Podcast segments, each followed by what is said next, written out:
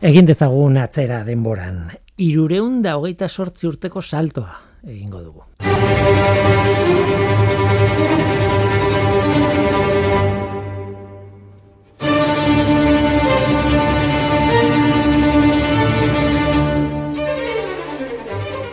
Mila seireun da laurogeita mairuan gaude, garai zaila. bueno, hori esan daiteke historiako edozein urteari buruz egiten badugu ere ez, garai zaila izango delako beti. Kasu honetan, amazazpigarren mendea da, garai zaila da. Luis Amalaugarrena, guzki erregea Frantzian, Versailleseko luxusko jauregia eraiki zuen Frantziako herritarrak goze siltzen ziren bitartean adibidez. Gehiagikeriak, beste duzen garaitan bezala. Horrez gain, garbitasun handirik gabeko garaia da. Bizi itxaropena etzuen berrogei urteko adina gainditzen. Sevillan izurrite bat izan zen mila seirunda berrogeita bederatzean. Londresen mila seirunda irurogeita bostean hasita beste bat bi urtez. Eta bi adibide nabarmen besterik ez dira. Garaiz zailak dira beraz. Oso zailak.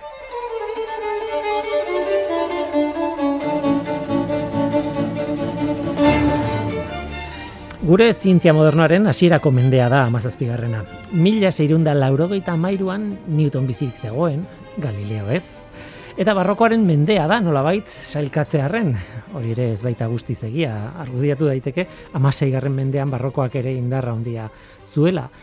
Eta argudiatu daiteke oso ikuspegi Europarra erien naizela plazaratzen, eta arrazoi, arrazoi, benetan. Urrutira begira, Txinan adibidez, amazazpigarren mendearen erdialdean, Ming dinastia ospetsua bukatu zen. Eta oso azkar esan da, Qing dinastiaren hasiera da, eta garai zaila da. Amazazpigarren mendean, Europarrak kolonialismoan sartuta daude buru belarri mundu osoan. Portugaldarrak, Nederlandarrak, Ingelesak, Espainiarrak, Frantziarrak, ez dakit badagoen kolonizatzailea izan ez den herririk. Tira, Ipar Amerikan, gerora estatu batuak osatuko zutenen koloniak ari ziren bizirik irauten zailtasun handiekin. Garai zaila haientzat. Are zailagoa kolonoek topatu zituzten indigenentzat noski. Garai oso, oso zaila. Tira, mende bat labur biltzea zaila da, eta esaten dudana, esaten dudala kanpoan geratuko dira kontu garrantzitsu asko. Beraz, ez dut laburpen honekin jarraituko, baina noski, ikuspuntu askotatik ikusita, amazazpigarren mendea ere, eta hori aipatu behar da, garai zaila da.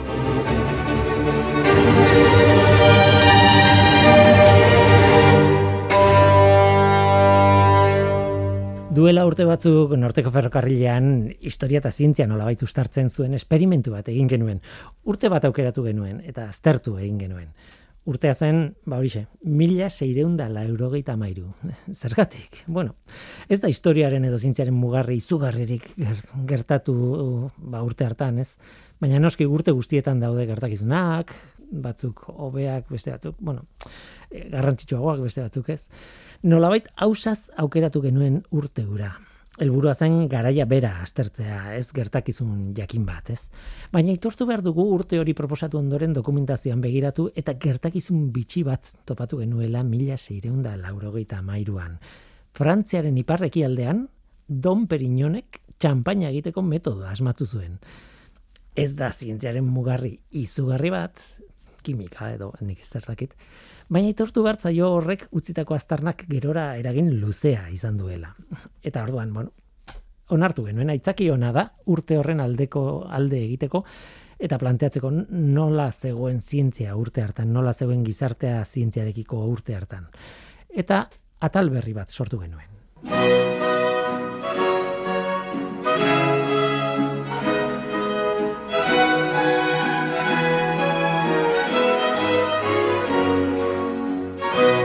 Mila seireunda laurogeita mairu.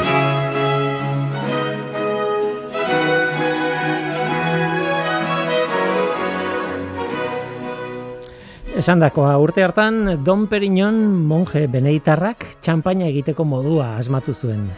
Xampenua metodoa. Baina beste kontu askori buruz ere hitz egin genuen atal horretan eta beste asko geratu ziren kontatu gabe. Kontuan hartu behar da 17. mendea zientzia modernoaren hasieraren mendea dela. Lehen teleskopioak, besteak beste begiz ikusten ez diren lehen ilargiak aurkitu zituzten, Lehen mikroskopioak eta mundu mikroskopikoaren aurkikuntza berriak filosofian eragin eta mundua ulertzeko modua aldatu zuten. Newton, Galileo, Kepler, hiru oso ezagun bota dotatzearren, eh, baina tira. Matematika izugarri aurreratu zen, mende horretan baita fisika ere, eta ez gauza bat nabarmendu harren. Londresen Royal Society sortu zen mende horren erdialdera.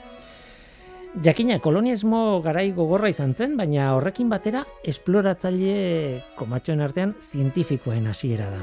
Dodoari buruz itzein genuen esate baterako, dodoa desagertu zen, amazazpigarren mendear, edo desagerrarazi genuen, nobeto esan da. Gure europazentrismoaren ikuspuntutik adibidez, maoriek tatuajeak egiteko teknikak importatu ziren mende horretan Europara, eta modu berri, moda berriak sortu ziren tira gauza asko dira mila zeirunda laurogeita mairu urteari eta oroar amazazpigarren mendeari lotuta zientziaren ikuspuntutik beti. Eh? Interesgarria da, beste dozein mende ere interesgarria den bezala zientziaren historian.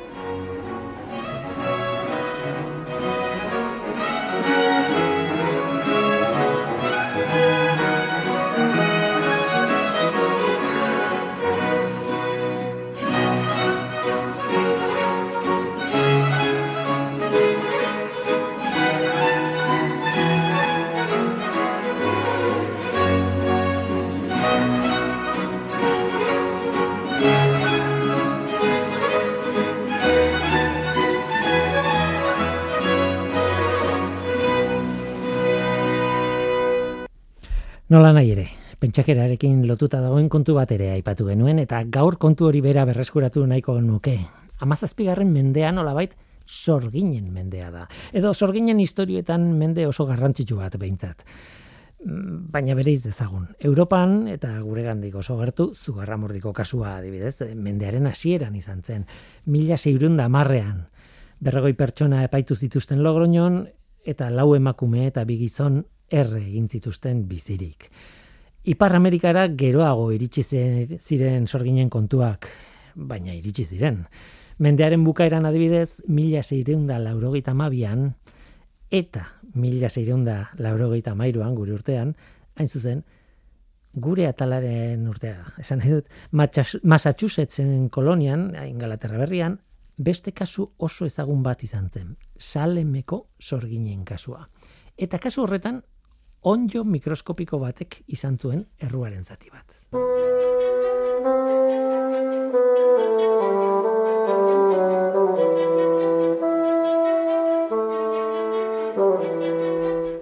Ipar Amerikako kolonietan sorginkeriako epaiketak ez ziren arraroak amazazpigarren mendearen bigarren erdian. Salem irikoa da ezagunena, baina beste batzuk egon ziren. Salem irian, zer gertatu zen? Ba, historia bederatzi urteko neska batekin, Betty Parris, Salemeko erreberenduaren alaba, eta haren lengusuarekin, Abigail Williamsekin, amaika urtekoa azten da. Oso sintoma arraroak izaten hasi ziren, konbultzios ondiak, bapateko goiualdiak, eta abar. Salemeko agintariek segituen erabakizuten, bineskak sorginduta zudela. Eta ez ziren aile bakarrik izan, neska gehiagok erakutsi zituzten sintoma horiek eta jende gehiago ere bai. Ematen zuen sorginkeriaz zabaltzen ari zirela. Errudunak bilatu behar ziren, galdeketak hasi ziren eta oh, noski errudun batzuk aurkitu egin zituzten. Bi neska txikiek batetik tituba salatu duten, barbadoetatik etorritako emakume erdi indiar bat, Parris familiako esklabua, bestetik Sara Good eskalea, eta baita ere Sara Osborne alarguna. Galdeketa gogorren eta luzeen ondorioz, titubak aitortu zuen sorginaz dela eta esan zuen irian sorgin gehiago zaudela. Horrek eromena piztu zuen eta, bueno, etengabeko eromena salaketak izugarri garitu ziren, gizon eta emakumeek eh, emakumeak atxolatu zituzten, bain baita pobreak eta nola esan, haien estandarretan, bueno, zalantzazko pertsonak direnak ere atxilotu zituzten. Lau iritan egin zituzten epaiketak eta azkenean emeretzi pertsona hil ziren urkatuta, beste bat jendetza batek zapalduta, eta beste batzuk atxilotuta zeudenean hil egin ziren. salemeko kasua oso oso daigarria da. Horren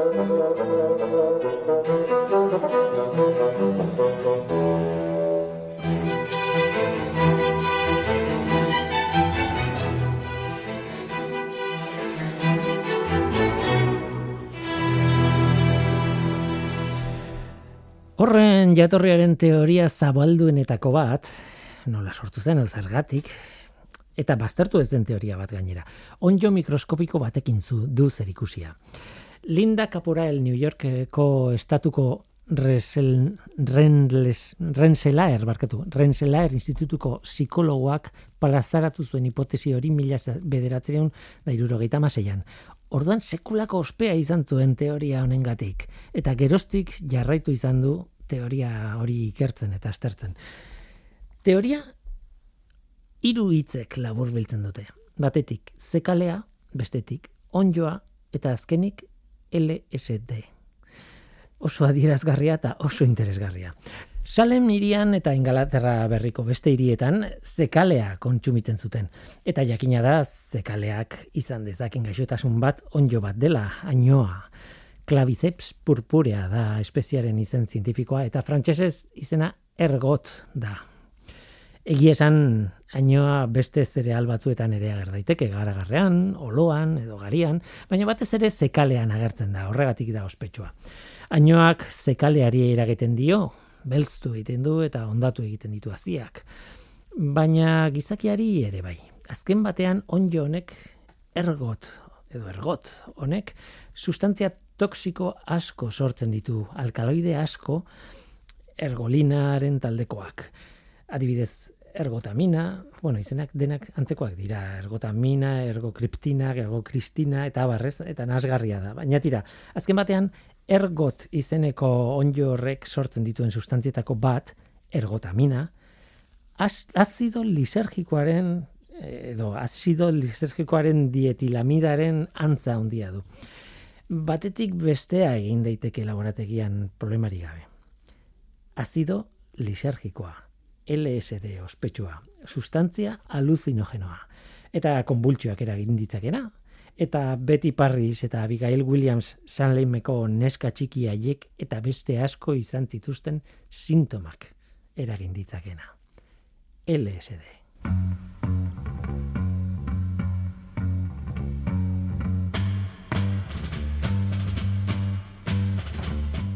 Erdiaroan ohikoa zen zekalearen infekzioa onjo honekin, ainoarekin, eta aurrera gore bai. Egia da, zenbait kondiziotan errezago zabaltzen zela.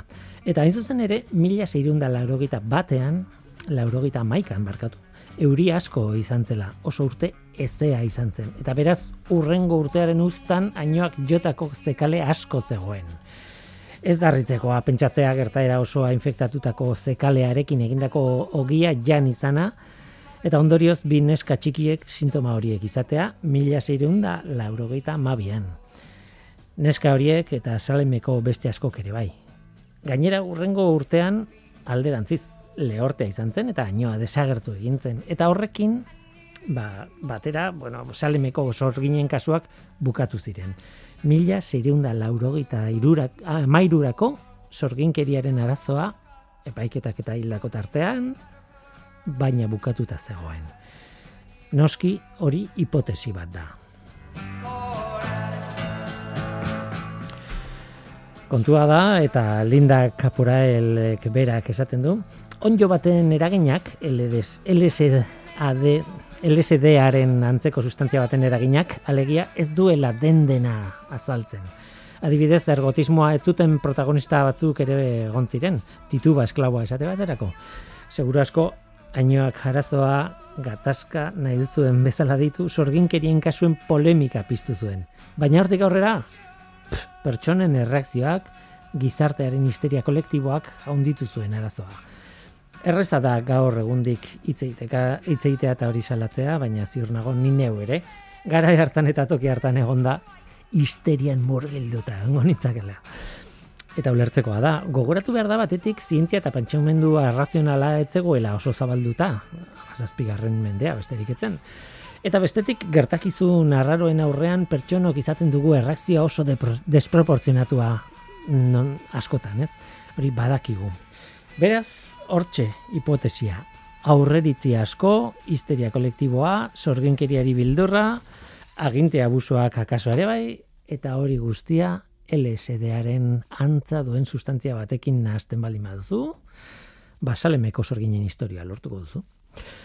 Azken kontu txiki bat, historia alari askok bilatu izan dituzte, beste hainbat gertakizunen jatorria, ea zekalea ainoaren infekzio bat izan ziteken.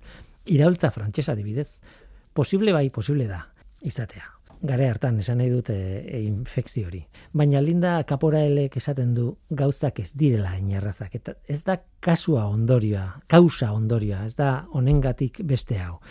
Ergotismo kasuak egon baziren ere, iraultza frantsesan arrazoiak ezin dira onjo baten infekzioan bilatu.